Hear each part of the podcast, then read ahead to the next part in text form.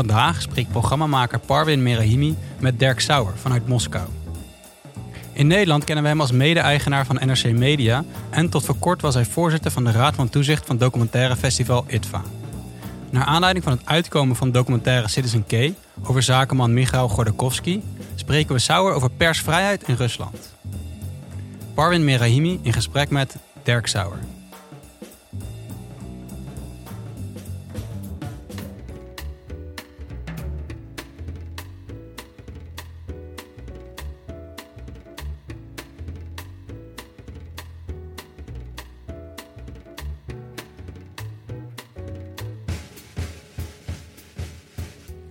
Vanuit Rusland. Dirk Sauer. Ik zit hier in Amsterdam waar het keihard regent. Ehm, een enorme eer om, uh, om met je... Mag ik je zeggen?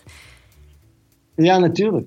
Om met je te spreken. Um, we gaan het hebben over persvrijheid in Rusland. Uh, naar aanleiding van het uitkomen van de film Citizen K over uh, zakenman en oligarch Michail Godorkovsky. Je hebt een grote rol in de film. Komen we ook ja. op. Um, en naar aanleiding daarvan heb ik je gevraagd om bij een gesprek aanwezig te zijn. Dat gesprek is 27 februari, overmorgen hier in, uh, in Amsterdam, in de Bali. Maar je bent nog in Rusland en uh, je kon daar niet bij aanwezig zijn. En daarom bellen we elkaar nu. Uh, zoals dat gaat. En kunnen we een voorgesprek hebben om onder andere over het uitkomen van deze film te spreken.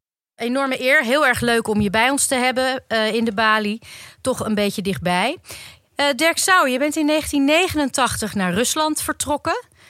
wat voor land trof je daar aan? En, en wat maakte dat je juist op die plek een, een mediabedrijf dacht te kunnen, of willen of moeten opzetten? Uh, nou, allereerst moet ik je corrigeren. Ah, daar gaan we al. Uh, ik ben in, inderdaad in 1989 vertrokken. Maar dat was niet naar Rusland, dat was toen nog de Sovjet-Unie. Ah, ja. Uh, het was toen nog uh, Gorbachev was aan de macht, uh, perestroika, glasnost, de muur ging net naar beneden. Um, en ja het, was, ja, het land ging open en, en iedereen was helemaal opgewonden over wat daar in het oosten gebeurde. En ik was in die tijd hoofdredacteur van het weekblad Nieuwe Revue. En dat had ik al een aantal jaren gedaan. en toen kwam ik stom toevallig een aantal Russische journalisten tegen in, in Amsterdam. En die zeiden, je moet naar Moskou komen. En... Uh, ja, Moskou. Dat leek me wel een, uh, ja, dat leek me heel interessant en opwindend. Waarom leek je dat zo uh, interessant en opwindend? Had je überhaupt iets met die regionen, met, met uh, wat zich daar afspeelde? Nou ja, ik was, ik was nog nooit van mijn leven in Rusland geweest. Ik sprak ook geen woord Russisch. Uh -huh. Maar ja, het is natuurlijk toch wat daar gebeurde met Gorbachev. En, en, en ja, gewoon een, het, het vallen van het ijzeren gordijn. Um, ja, daar speelde zich op dat moment natuurlijk een van de belangrijkste naoorlogse, zo niet de belangrijkste naoorlogse ontwikkelingen in dit deel van de wereld plaats. Um, uh, ja, en uh, ja, als je daar een kans hebt om met je neus bovenop te staan. Ik dacht, ja, dat, dat, daar wil ik bij zijn. Um, en toen ik ben met, met mijn vrouw Ellen en een, uh, en een zoontje van zes maanden zijn we naar uh, Moskou vertrokken. Je noemde jezelf in een uh, interview ooit eens kind van de, hè, van de Vietnam-generatie. gegrepen door de revolutie. Ja. Had dat er ook iets mee te maken met je achtergrond? Met, met je, want je, je komt ook uit de activistische hoek, ja. socialistische hoek. was dat ja. ook iets wat extra, ja, wat ergens aan appelleerde bij jou? toch ja, dat socialistische nou ja, hart? Ja, ja, nee. Ik kom natuurlijk uit de, uit de marxistisch-leninistische hoek. Uh, en dat was uh, China, Mao Zedong. Hè. Ik liep vroeger met een mouspeltje op. Uh, wat achteraf gezien nou niet bepaald de meest gelukkige keuze was. Um, en dan druk ik me nog zacht uit. Um, maar goed, ik, ik heb altijd inderdaad, en ik ben nog steeds, uh, beschouw ik me als een, als, als een progressief links iemand. Um, maar Rusland was natuurlijk, ja, heeft natuurlijk heel erg goed laten zien waar het communisme, wat voor ellende dat teweeg kan brengen. En toen ik natuurlijk hier in Moskou aankwam en bij mensen thuis kwam, het eerste waar het meteen over ging, juist in die tijd, omdat toen voor het eerst mensen openlijk durfden te praten. Je kon geen familie bezoeken of het ging over de gulags en, en familieleden die ze verloren hadden in, in, onder Stalin en later natuurlijk Brezhnev en mhm. mensen die waren opgesloten. En hoe blij ze waren dat uiteindelijk, uh, dat eindelijk een einde aan het communisme leek te komen. Dus ik was daar heel snel van genezen. Dus het was iets positiefs. Het was iets waar men naar uitzag. Een nieuwe toekomst lag voor ze. Lag voor ja, hen. mensen waren natuurlijk ongelooflijk optimistisch. En misschien, uh, of wel zeker, uh, heel erg naïef. ze dachten, uh, nu gaat het land open. En nu komt het kapitalisme. En, nou ja, mensen die waren heel naïef. Ja. Um, en ze dachten, ja, het communisme, dat heeft ons alleen maar slechte dingen gebracht. En nu komt het kapitalisme en nu worden we allemaal rijk en, en, en allemaal gelukkig. Uh, en ja, de werkelijkheid bleek natuurlijk een stuk weer barstiger te zijn. En jij, jij kwam daar aan in dat klimaat en dacht, uh, uh, geloofde je daar eigenlijk ook in? Je dacht, dit is het, uh, het nieuwe, ja, mag ik zeggen, Rusland. De boel gaat open. Zag jij ook voor jezelf die mogelijkheden? Zag je ook een nieuwe toekomst voor dat land? Was je net zo positief en optimistisch als de mensen daar?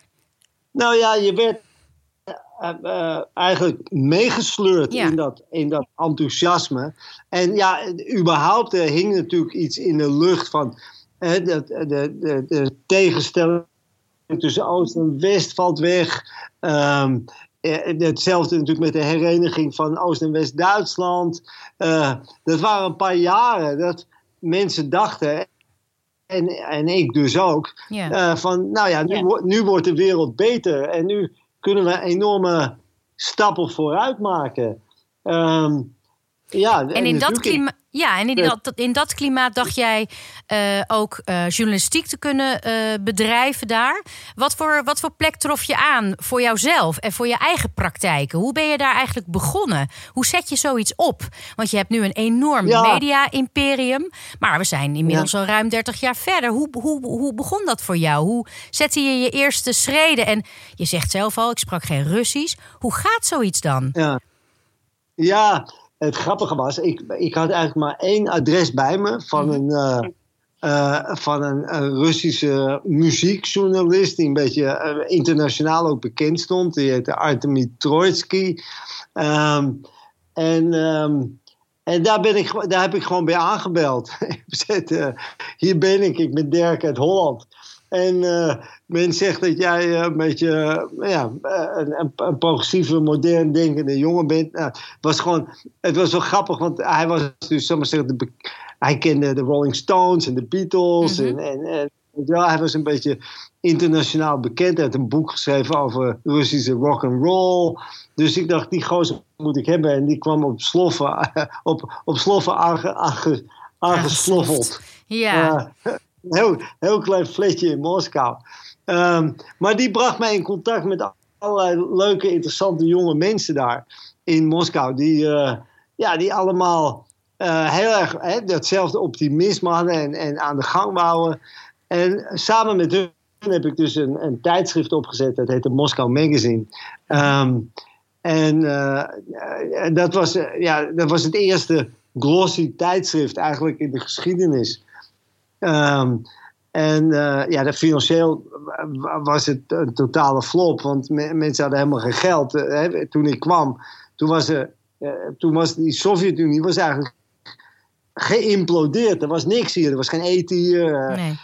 Er, mensen hadden echt nul komma niks. Dus ze hadden ook helemaal geen geld om een tijdschrift te kopen. Nee. Dus qua qua uh, uh, zakelijk idee was het werkelijk het domste waar je mee kon komen. Maar het, op de een of andere manier sloeg het wel heel erg aan. Omdat mensen eh, ja, voor het eerst uh, vrijuit konden spreken en, en, en, en, en, denken en, en uh, in hun verleden zoeken. En, mensen waren ontzettend nieuwsgierig. Um, en die vrijheid, dat was natuurlijk, ja, je moet je voorstellen, 70 jaar communisme, 70 jaar onderdrukking. En ineens, boem, mhm. de, de, de, deuren en de ramen gaan open. En mensen zogen die, die zuurstof van vrijheid met volle teugen op. En, en niet alleen wij, maar ook, ook heel veel Russische kranten en, en, uh, en tijdschriften die, die deden dat. Alleen wij deden dat op, op een soort westerse manier die enorm aansprak. Want het Westen, iedereen idealiseerde het Westen hier natuurlijk. Hè. Het Westen stond voor, uh, ja, voor, voor modern, voor nieuw, voor de toekomst. Um, dus uh, ja, uh, en hoe begin je zoiets? Nou, dat is heel simpel. We kochten twee tweedehands Volkswagen busjes bij Auke Baas in Amsterdam. Mm. en laden die vol met Apple computers. De allereerste Apple computers. En, uh, en die twee busjes hebben we naar Moskou gereden. Um, de, de ene, het ene busje dat hield er nog vlak voor Moskou mee op. Dus we met, moesten we slepen om in, in het centrum te komen. En, um, en nou ja, dat hebben we ergens in een kantoortje neergezet. Een heel klein kantoortje. Mm -hmm. um, en, en, toen uh, waren we in business. Zo simpel kan het zijn. Um, wij waren de eerste in Rusland met Apple computers. Um, dus binnen no time waren we ook een soort bezienswaardigheid. Ja, precies. Dus daar eh, begon die moderniteit eigenlijk. Uh, Die zo werd uh, gewenst en waar zo naar werd verlangd. Die brachten jullie eigenlijk met die studio die jullie bouwden. met, met dat bedrijf, dat kantoor met de hypermoderne Amerikaanse computers. Brachten jullie die Rusland binnen. En, en dan is het een kwestie van beginnen. Dus met die ene journalist, met dat ene contact, uh, beginnen met schrijven. En wat, wat teken je dan op? Wat, wat voor stukken waren dat dan in, in den beginnen? Ja, uh, het, het, was een mix. Kijk, de Russische journalistiek bestond eigenlijk niet. Hè? Want uh, ja, je had de Pravda en de Izvestia. Maar dat waren staatspropaganda dingen. En jullie waren onafhankelijk. En wij waren onafhankelijk. Dus het ging vooral in het begin erg over cultuur. Uh, uh, waar gaan we naartoe als land? Hè? Wat wordt onze toekomst? Ehm, mensen waren enorm bezig met, met moderne kunst en dat soort dingen. het was nog niet eens zoveel politiek. omdat het nog heel onduidelijk was waar het allemaal naartoe ging. Um, interviews met. ze kennen natuurlijk ook het hele idee van een profile, een profiel van iemand. Ik weet nog wel, de, een van de eerste covers was over een jonge Russische filmster. Dat soort journalistiek kenden ze helemaal niet. Um, en uh, het was een beetje. Was... Het was nog niet zo politiek, eh, Dirk, zeg je. Uh, wanneer maakte je die omslag naar, het, uh, naar de ja, meer onderzoeksjournalistiek of meer het de politieke verslaggeving, het meer kritisch zijn.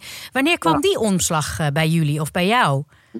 Nou, dat kwam eigenlijk twee jaar later, mhm. anderhalf jaar later, toen we met, met onze krant zijn begonnen, de Moscow Times. Ja. En dat was eigenlijk het eerste Engelstalige uh, onafhankelijke dagblad in, in Moskou. En dat was een. Uh, ja, dat was heel bijzonder. Dat, we elke, ja, dat was gewoon een krant die, die uh, heel veel juist over politiek en over, over economie en, en, en uh, allemaal dat soort dingen schreef. En dat kon, dat, daar, daar, daar waren mogelijkheden toe en uh, jullie werd geen strobreedte in de, in de weg gelegd. Nee, kijk wat het grappige was van die eerste jaren. Mm dat was toen was net Gorbachev natuurlijk was, verdwenen. Yeltsin was inmiddels aan de macht gekomen. Rusland was gevormd. Hè, dus dat was allemaal begin jaren negentig. Toen is er een, een, een, periode geweest van een jaar of vijf, zes. waarin een absolute persvrijheid. Ja, onder Yeltsin. Iedereen kon zeggen wat hij wou. Iedereen kon doen wat hij wou. Sterker, ik herinner me nog dat je gewoon bij de KGB naar binnen kon lopen. En gewoon alles kon inzien en opvragen. Ik bedoel, het was.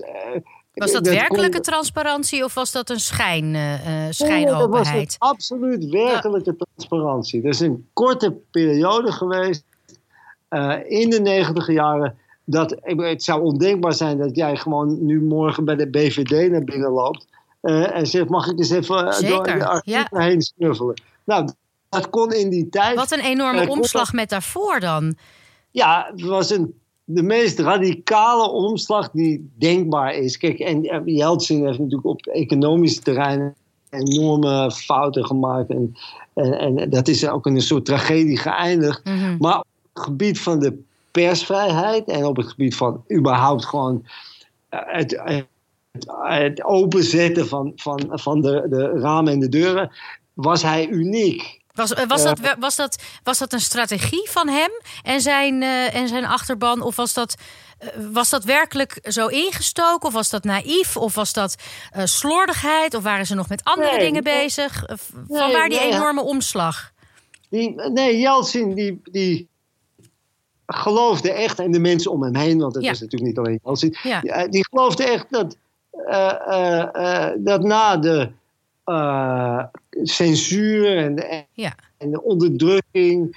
Uh, mensen recht hadden om alles te weten. Um, en je moet je natuurlijk ook voorstellen dat heel, miljoenen Russen wisten niet wat er met hun familieleden gebeurd was. alles wat daar in die gulag zich afspeelde, was natuurlijk altijd voor ze verborgen gehouden. Um, en ze vonden gewoon dat mensen er recht op hadden om, al, om, het, om uh, kennis te maken met hun eigen geschiedenis. Het was een oprechte uh, openstelling uh, van de media, van bronnen. Absoluut. Dus er is de, dus een, een, periode geweest, een, echt een unieke periode in de Russische geschiedenis. Dat, dat, ja, dat hadden ze nog nooit eerder meegemaakt. Maar onder de tsaren was er ook censuur. Ja. dus er was eigenlijk nooit echte persvrijheid geweest in Rusland. En, en even is dat dus ja, absoluut geweest. En, en, en, toen begonnen wij net met die Moscow Times. En ja, in, onder die omstandigheden, in die, in die vrijheid en die openheid, begonnen jullie de krant. Uh, En hoe is, dat, hoe is dat voor jullie geweest, uh, het opzetten van die krant? Als ik het zo hoor, in en beginnen in, in relatieve of in, in werkelijke vrijheid en openheid. Konden jullie overal over schrijven en hadden jullie toegang tot, tot, ja, tot, tot inderdaad bronnen? konden jullie overal onderzoek doen? was daar echt vrije journalistiek mogelijk? Ja, absoluut. En het grappige was ook, uh, ministers, hoge ambtenaren, iedereen praatte ook tegen je. Uh, dus er waren nog geen voorlichters, uh, er was nog geen uh, beleid, persbeleid, of weet je wel. Wat, Ongelooflijk, wat kunnen we ons nu niet, niet eens indenken. Nee. Want wanneer kwam die omslag? Hoe heb je die ervaren daar? Nou ja, die omslag die kwam eigenlijk aan het eind van de jaren 90. Hè, dus zou zeggen, de Moscow Times lanceerden we in 92. dus uh, eigenlijk aan het einde van de Yeltsin-periode, het begin van de Poetin-periode. En, en hoe was het uh, vanaf dan voor jullie om te opereren als onafhankelijke krant?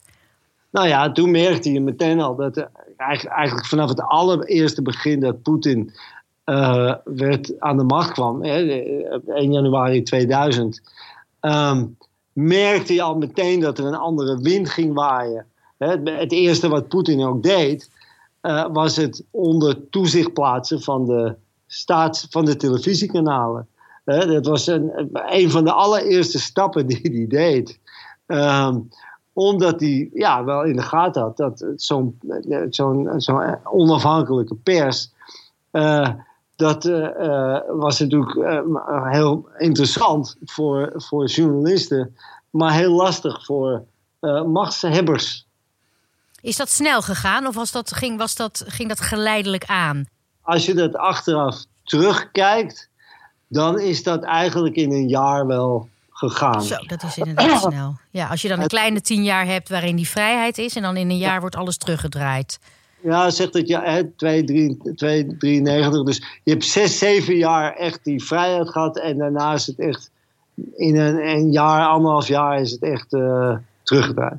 En, en als ik mij goed heb uh, ingelezen, maar je moet me vooral corrigeren, want jij bent daar en uh, zit er middenin.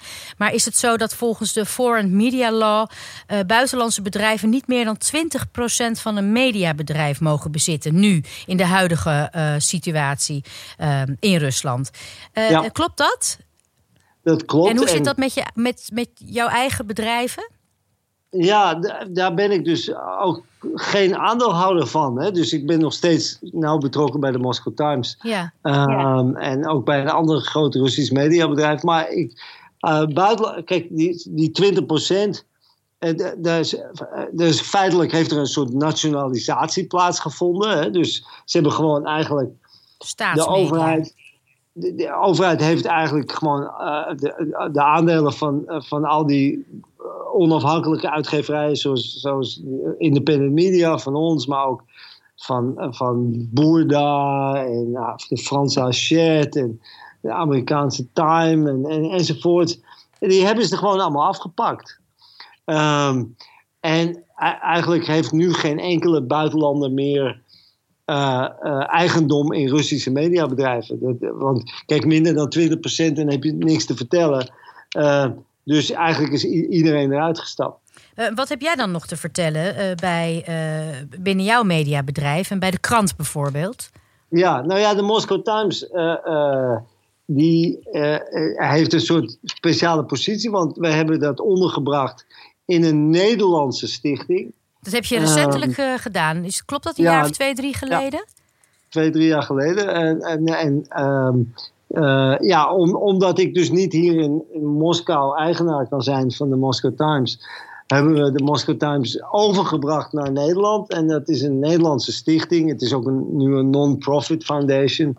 En is het, het is nu volledig digitaal?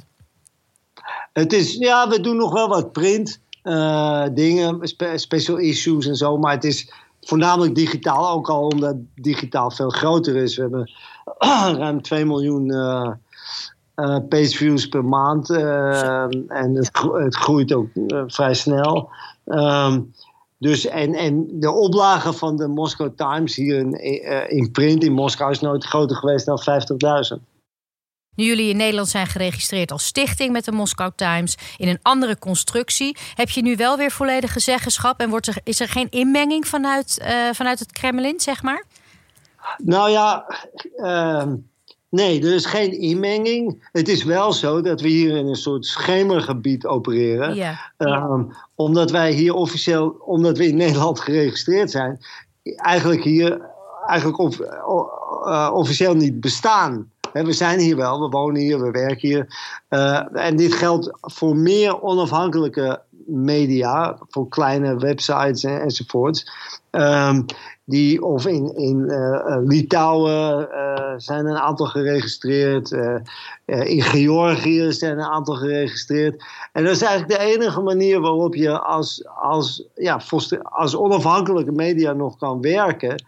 Want als je hier valt onder de Russische mediawet, um, ja, dan is het vrijwel onmogelijk, om niet te zeggen helemaal onmogelijk, om echte onafhankelijke journalistiek te bedrijven. Maar dat heb je voorheen, uh, viel je onder die wet.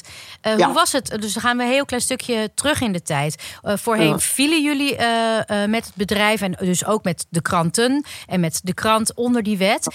hoe was het toen om enigszins onafhankelijke journalistiek te bedrijven? Want je hebt in veel interviews al aangegeven, dat is voor mij heel belangrijk. Ik zie dat ook als mijn plicht. Ik wil dat ook brengen.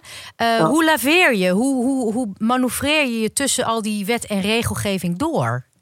Nou ja, dat is, een, uh, dat is jarenlang uh, lastig geweest. Uh, we, hebben, ik, wij hebben ons altijd onafhankelijk opgesteld. Ja.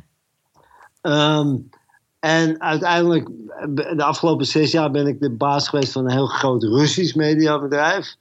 Um, en dat is ook niet goed afgelopen. Um, In welke want, zin?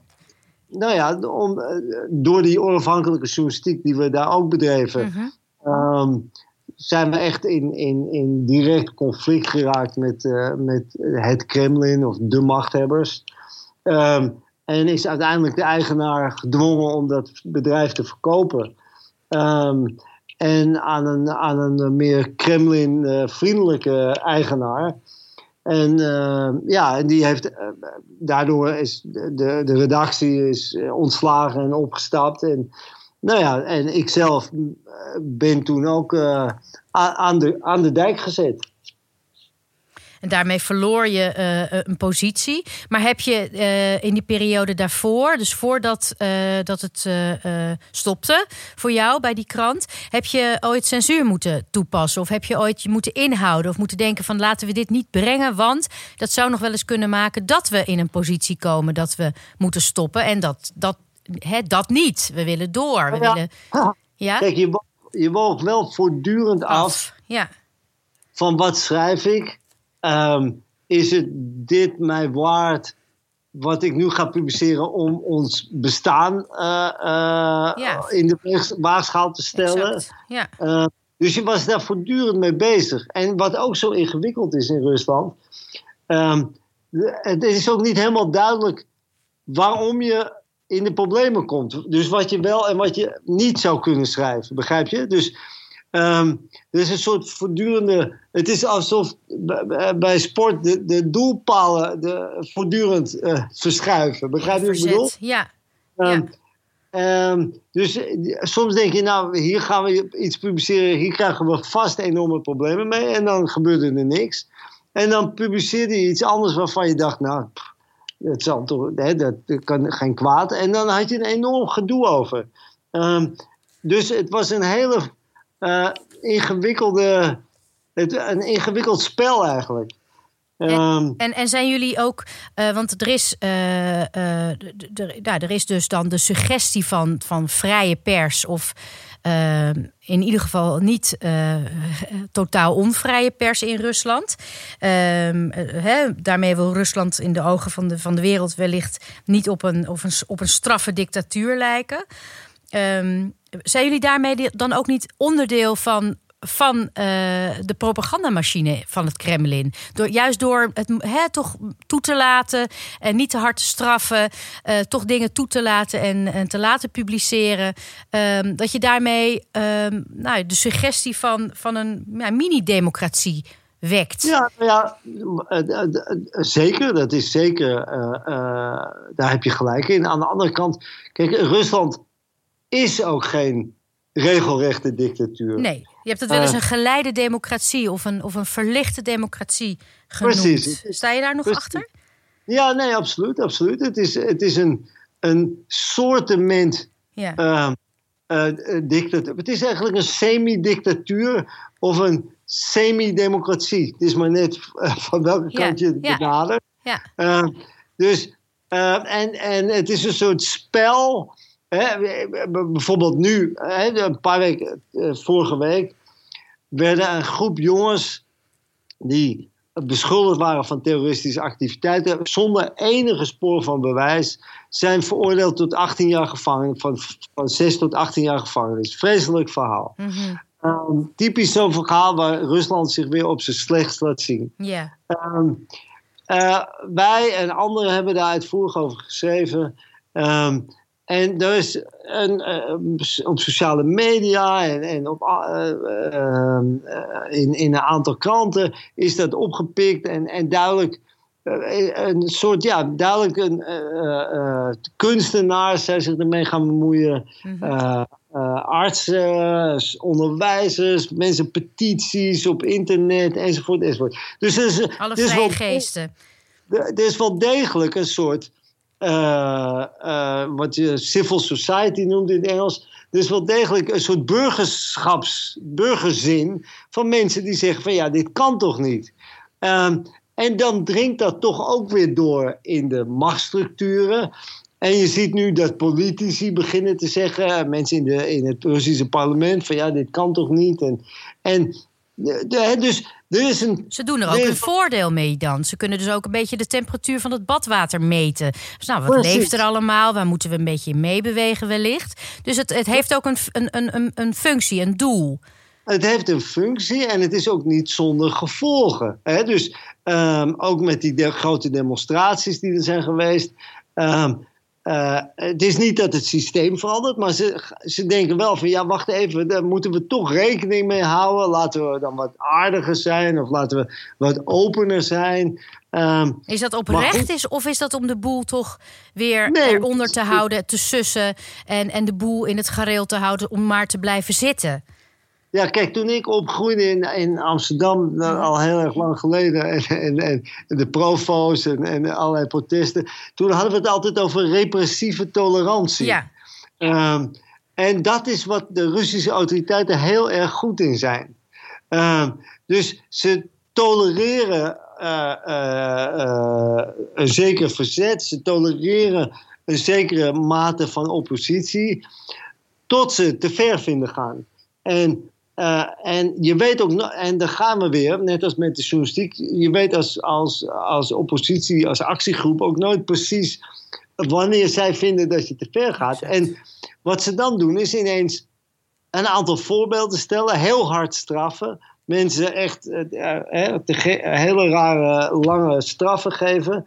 Ehm, ehm, en op die manier houden ze de, proberen ze de boel onder controle te houden. Het is, uiteindelijk hebben ze maar één doel. En dat is aan de macht blijven. Ja, ja. nou dan, maken we meteen ook, eigenlijk eh, geef je dat al heel mooi aan, een bruggetje naar, uh, naar Godokowski, de, de machtige zakenman, oligarch en ja, heden ten dagen ook activist. Ehm, je hebt zelf ehm, vaak gezegd in interviews: ik ben niet bang. je zegt net ook al: uh, je kunt het positief zien, je kunt dingen negatief zien. Ik zie de dingen positief, ik zie mogelijkheden. Angst heeft geen enkel nut, heb ik in een interview gelezen. Als je gaat, dan ga je. Um, je moet niet bang zijn, je moet je niet laten tegenhouden. Je moet onverschrokken zijn. Dat is mijn woord, maar dat haal ik er dan uit. Uh, precies wat je zegt, Dirk. Toch zijn er ongelooflijk veel voorbeelden te noemen van activisten activisten, zakenlui, politici, eh, mensenrechtenactivisten, eh, advocaten. Uh, nou ja, en dus last but zeker not least de oligarchen als Godorkovsky, die gevangenschap, lange gevangenschap, ziekte, zelfs de dood hebben gevonden in hun openlijke strijd tegen de misstanden van het Kremlin. Um, en je zegt, er is, no er is geen pijl op te trekken wanneer, wanneer, uh, wanneer uh, het oordeel eigenlijk uh, negatief uitvalt daar bij het Kremlin. Wanneer er wordt gedacht, dit gaat te ver. Um, hoe kijk je daarnaar? wanneer, ja, er zijn genoeg voorbeelden van mensen zoals jij, die, waarvan wordt gevonden dat ze een misstap hebben ja. begaan. Um, en je spreekt je daar openlijk over uit. In de film Citizen K uh, heb je een grote rol. Je, je spreekt je uit over uh, ja, de, de, Siberische gevangenschap van Godorkovsky. die maar liefst tien jaar in een Siberisch strafkamp heeft gezeten. weggestopt.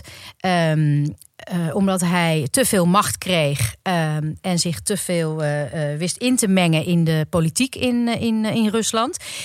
heb je nooit gedacht dit kan mij ook gebeuren. Waar, waar ben ik mee bezig? Eh, ik, of, of ja, hoe, waar, van waar die onverschrokkenheid, ondanks al die voorbeelden toch? Ja, weet je wat het is? Um, inderdaad, in je omgeving zie je, uh, heb ik regelmatig uh, vrienden ook, goede kennissen die ineens in de gevangenis belanden. Um, en uh, ja, natuurlijk denk je wel eens van, ja, Jay, hè, zou dat mij niet kunnen overkomen? Um, je bent bedreigd. er is een hoofdredacteur van een, ja, van een, uh, van een blad. Uh, was het de Playboy? Playboy, ja, ja, Voor je neus eigenlijk, voor jullie kantoor neergeschoten. hoe, hoe houd je die journalistieke principes overeind in zo'n angstcultuur? Dat is mijn woord, hè? Dat is mijn aanname. Ja, ja. Ja, kijk, angst is natuurlijk iets wat je zelf uh, uh, doet. Hè? Ik bedoel, en toelaat. toelaat. Um, en, en, en ja, misschien uh, heb ik het geluk of dat, dat mij dat nooit zo overkomen is. Um, en ik heb zoiets van, ja, ik ben hier als journalist, dus en het is een, vind ik, een fascinerend verhaal. Uh, hoe Rusland zich ontwikkelt. En, en, eh, ja, eh, en laat ik dan proberen, als ik hier ben, om dat verhaal te vertellen. Um, zowel het goede als het slechte. Hè? Want dat is wat je zegt. Um, en daar geloof ik ook heel erg in. Rusland is heel veel tinten. Hè? Heel veel tinten grijs. Hè? Dus het is niet alleen maar die dictatuur. Het is ook er zijn hier ook heel veel interessante ontwikkelingen. Hè? Uh, um, En mensen zijn niet alleen maar, dat is ook het goede van die film Citizen K, Ja. waar, ook, waar uit- uiteindelijk blijkt dat Poetin. Die komen uit hetzelfde tijdperk. Mhm. Eigenlijk lijken die heel erg veel op elkaar. Ehm, de rollen hadden net zo goed omgekeerd kunnen zijn. Ehm, dus Gaddakovsky had als een soort Poetin kunnen eindigen en Poetin had als een soort Gaddakovsky kunnen eindigen. Eh, dat is het interessante van Rusland. Ehm, ehm, en, en dat heeft mij altijd gefascineerd. En ja, eh, ik heb zoiets van, ja, eh, je kan toch niet voorspellen als je in Nederland werkt of woont, kan je ook iets overkomen of je kan ziek worden of weet ik wat. Ehm, eh, dus daar heb ik me nooit zo mee bezig gehouden. En eh, dus angst, dat is geen goede raadgever, is niet voor niks het spreekwoord. Maar is dat het geheim, Dirk? Eh, niet toegeven, je niet laten verlammen, toch blijven opereren binnen de, binnen, de, ja, binnen de kaders die worden gegeven.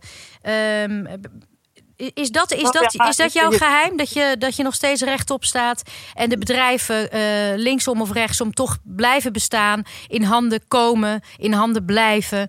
Ehm, is dat de, de manier om in, als, als ultieme Hollandse polderaar misschien in, uh, in Rusland uh, te blijven staan? Ja, misschien. En je zegt binnen de kaders. Ik moet zeggen, wij hebben in al die jaren nooit iets gepubliceerd. Omdat we het moesten. Of om, we hebben altijd gewoon alles wat wij publiceren is correct, feitelijk juist. Ja. Is wat wij vinden, wat we belangrijk vinden om te publiceren. Dus. Um, maar je hebt toch en, te maken met krachten die groter zijn dan, dan, dan jullie zelf. Het Kremlin maakt er geen geheim van, uh, los van uh, re, wet en regelgeving, uh, te opereren soms. We hebben het ja. net over al die mensen gehad die zijn omgelegd omdat ze kritisch waren, dingen naar boven haalden, aan het licht brachten. Ja. Ja, nee, je hebt helemaal gelijk. En in die zin hebben we misschien ook geluk gehad. Dat is ook heel goed mogelijk. Misschien ook omdat jullie toch van origine Nederlands zijn? Nou, ik denk dat dat speelt zeker ook een rol. Dat je minder gauw een, een buitenlander en een Nederlander aanpakt. Nu is, uh, uh, het was altijd heel erg positief om Nederlander te zijn. Dat is nu een stuk minder. Ja. Uh, met MH17 en alles wat er omheen speelt. Um, maar, maar inderdaad. Desalniettemin. Um, en ik denk ook dat ik, nou ja, omdat ik hier al zo lang ben. Um, en mensen mij kennen. En, en uh, uh, het is maar een hele kleine wereld hier in Moskou. Dus uh, iedereen weet ongeveer wel wie ik ben. Um, en dat ik uiteindelijk. Um, ik ben niet anti-Rusland. Ik ben niet anti-Poetin. Ik, ben, nee.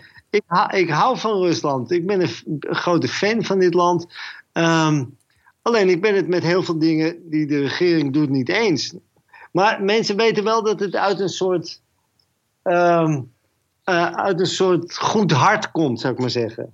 Um, en, en, ik denk dat als ik Amerikaan was geweest, bijvoorbeeld, dat het dan een stuk moeilijker was geweest om te doen wat ik al die jaren heb kunnen doen. En, en iemand als Godorkovsky, dat is een Rus. Uh, je zou van hem ook kunnen zeggen, ook zeker als je de film ziet, dat dat iemand is die veel van Rusland houdt, van zijn land, uh, van de plek waar zijn familie al, nou, al die generaties lang is. Um, ja. En wat maakt het dan? Waarom is hij zo ontzettend hard aangepakt en weggestopt? En um, uh, is nou ja, zijn advocaat omgelegd? Of nou ja, er ja. wordt gezegd dat, uh, dat de, zijn advocaat is vermoord. Hij is zelf tien jaar weggestopt. Ook hij houdt van Rusland. Waarom hij dan zo maar, keihard maar, aangepakt? Ja, maar kijk, je moet je. Kijk, uh, Gadakowski, die was duidelijk een die deed een poging om aan de macht te komen. Ja, ja. dat moet je vooral niet dat doen. Was, het was dat gaat te ver. Pure, het was een pure machtsstrijd tussen uh, uh, Gaddakovsky en Poetin. En Poetin was net de nieuwe baas van het land. en die kwam er al snel achter dat meer dan de helft van de uh, leden van het parlement, van de Duma, op de loonlijst van Gaddakovsky stonden. Ja. die dachten, hé, hey, dat is foute boel. Ja. Um, uh, die man die moet ik uitschakelen. Te, um, te machtig, te, te, te rijk, te invloedrijk. Um, en uh, ja, hij wilde wel degelijk de macht overnemen. En dat moet je vooral niet openlijk willen. Precies. En, en ja, ik, wat dat betreft ben ik natuurlijk een, een heel klein visje hier. Ja. Ehm, en doordat ik een klein visje ben, kan ik redelijk vrij zwemmen. ja. Dirk, tot slot. Uh, je maakt er geen geheim van dat je YouTube eigenlijk als de toekomst van de vrije pers in Rusland ziet. Uh, Daar gebeurt het. Daar kunnen ook jonge mensen met relatief weinig middelen vrij uh, hun mening verkondigen. Um, hoe kan het nou toch zijn, vraag ik me af, dat het Kremlin niet gewoon een hek zet om dat YouTube, zoals de Chinezen dat hebben gedaan? Ja. is er echt vrije pers op het internet in Rusland? Hoe kan het toch mogelijk zijn in een land waar, waar, waar Russische, hè, Russische hackers hebben de presidentsverkiezingen in Amerika beïnvloed. Um, dat kan strenger, toch? Nou ja, dat is dan weer. Uh, en het bevestigt eigenlijk alles wat ik hiervoor heb gezegd. Dat, het, uh, dat is dan weer het grappige van Rusland. Kijk, dat komt omdat de Russen. Chinezen zijn verschrikkelijk goed georganiseerd. Um, en die hebben alles heel erg. De overheid, de Chinese overheid, heeft alles redelijk tot heel goed onder controle. Um, dus die hebben vanaf het begin dat het internet kwam meteen gezegd: dit gaan we controleren. Uh, wat ik je net. Uh, in Rusland, toen het internet hier kwam, dat was in de tijd van Yeltsin. Toen hebben ze daar nooit over nagedacht, want er was totale vrijheid hier. Um, dus de technologie en de infrastructuur van het internet hier is niet te vergelijken met dat van China. Um, en ze proberen dat wel, alleen ze missen de technische kennis en mogelijkheden om het echt onder controle te brengen. Uh, en elke keer als ze het proberen, dan vinden uh, Russische uh, gebruikers wel weer mogelijkheden om daar omheen te komen.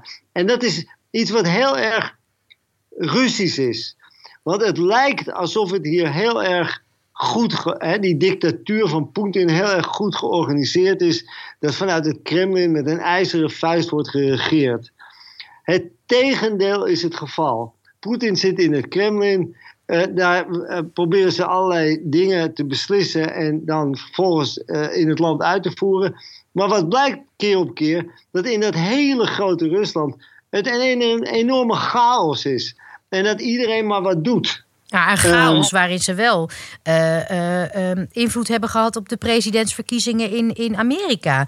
Als ze dat kunnen, waar, hoe, hoe kan het dan toch zijn dat ze dat YouTube niet een beetje afschermen? Ja, maar dat is het grappige van Rusland. Want dat, dat, dat is een klein groepje hackers. Heeft in Amerika een hoop gedoe veroorzaakt. Maar ze zijn niet in staat, want dat hebben ze echt al heel veel, vaak geprobeerd om het Russische internet echt onder controle te brengen. Dat lukt ze gewoon niet. Omdat er zijn te veel entry points, te veel plekken waar het internet binnenkomt in Rusland. En dat, ze proberen het wel.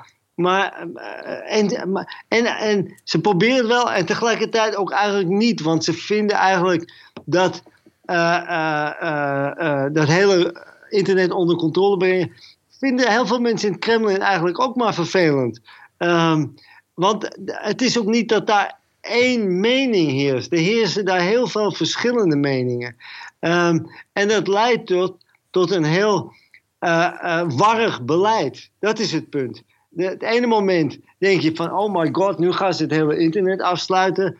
Uh, en een maand later doen ze het tegenovergestelde. En, en dat is hier eigenlijk voortdurend het geval. Hm. Um, er zijn heel veel elkaar bestrijdende uh, partijen hier binnen het, uh, binnen het staatsapparaat, binnen het Kremlin. Um, en um, ze willen eigenlijk Europees zijn, ze willen modern en westers zijn. Uh, maar een paar maanden later willen ze het weer net zo doen als in China. Maar dit soort dingen kan je alleen onder controle krijgen als je dat heel systematisch uh, en heel georganiseerd als overheid doet. Ja, dus, dus je dat zou kunnen. Leuke, dat is het leuke van Rusland. Het is eigenlijk een, een soort een anarchistische semi-dictatuur. Mm, Ja, dus je zou eigenlijk uit dit gesprek kunnen concluderen: die klassieke, de klassieke, hoe zeg je dat? De, de, de oude macht bestrijdt elkaar. Uh, je moet vooral niet aan de stoelpoten van, van Poetin zagen. Uh, dus uh, ben je een, iemand van de, van, de, van, de, van de oude garde, de klassieke ja, bestrijders van, van wat nu het Kremlin is, dan heb je iets te vrezen. en dat wat er allemaal nakomt, dat is nog niet zo in het vizier. Dat is nog. Um, dat is nog, uh, nog ongrijpbaar. Ja, uh, ongrijpbaar. En, en zo'n dus Pussy Riot dan, die dames, die waren toch, dat was toch vrij, uh, dat ging via het internet. Dat was allemaal heel erg met moderne middelen. Ja, ja, is dat dan een soort symboolpolitiek? Wat, zo'n ja, symboolstraf die ze krijgen? Die Pussy Riot is pas aangepakt toen ze daar op het uh, ja. altaar van de belangrijkste kathedraal van Moskou. Dus weer, dat, uh, dus weer terug naar de oude. Als je dus steeds dat teruggrijpen naar de oude, naar de, ja, naar de oude macht, dan ben, je, dan ben je fout bezig. Dat moet je vooral Precies. niet doen. Maar voor de, rest, voor de rest kunnen die Pussy Riot mensen doen wat ze willen. Dus, um, en dat is uh, de belangrijkste oppositieleider Navalny op internet heeft hij miljoenen en miljoenen. Het is heel interessant. Poetin die gaf net uh, voor het eerst van zijn leven een interview via YouTube. Hè, want die dacht, ik moet ook meedoen. Nou, hadden ze zijn adviseurs vast tegen hem gezegd. En had hij, ik geloof dat hij 40.000 views had in de eerste dag of zo. En als Navalny of, of uh, er is een jongen die doet, Jury doet, uh, als die iets uh, op, op YouTube zet, hebben ze meteen een miljoen. dus 40.000 van Poetin tegen, tegen, tegenover een miljoen van, van de oppositie. Dus je, ja. Ja. dat is een hele andere dynamiek daar. En er is een, een subcultuur in, in Rusland, met name natuurlijk in de grote steden, van jonge mensen. En die hebben helemaal niks meer met die oude televisie. Niemand van, niemand van mijn, van, mijn, van mijn vrienden of mijn kinderen, want mijn kinderen zijn volwassen, dus ik zie ook, die wonen hier in Moskou, dus ik zie precies uh, hoe hun gedrag is. Niemand kijkt nog naar de televisie. Ja. En ze kijken alleen nog maar naar, naar, naar sociale media, naar YouTube. En, en het is juist die televisie en uh, die, die traditionele uh, mediavormen, zeg maar, die worden beheerst uh, door het Kremlin. Precies. Um, dus het is wachten op de, de eerste meme vanuit het Kremlin. Uh, ik wil je enorm bedanken uh, namens ons allen uh, hier in de Bali en uh, in Nederland. Dirk Sauer, we blijven je volgen en kom vooral af en toe nog terug naar Nederland. Oké, okay, graag gedaan.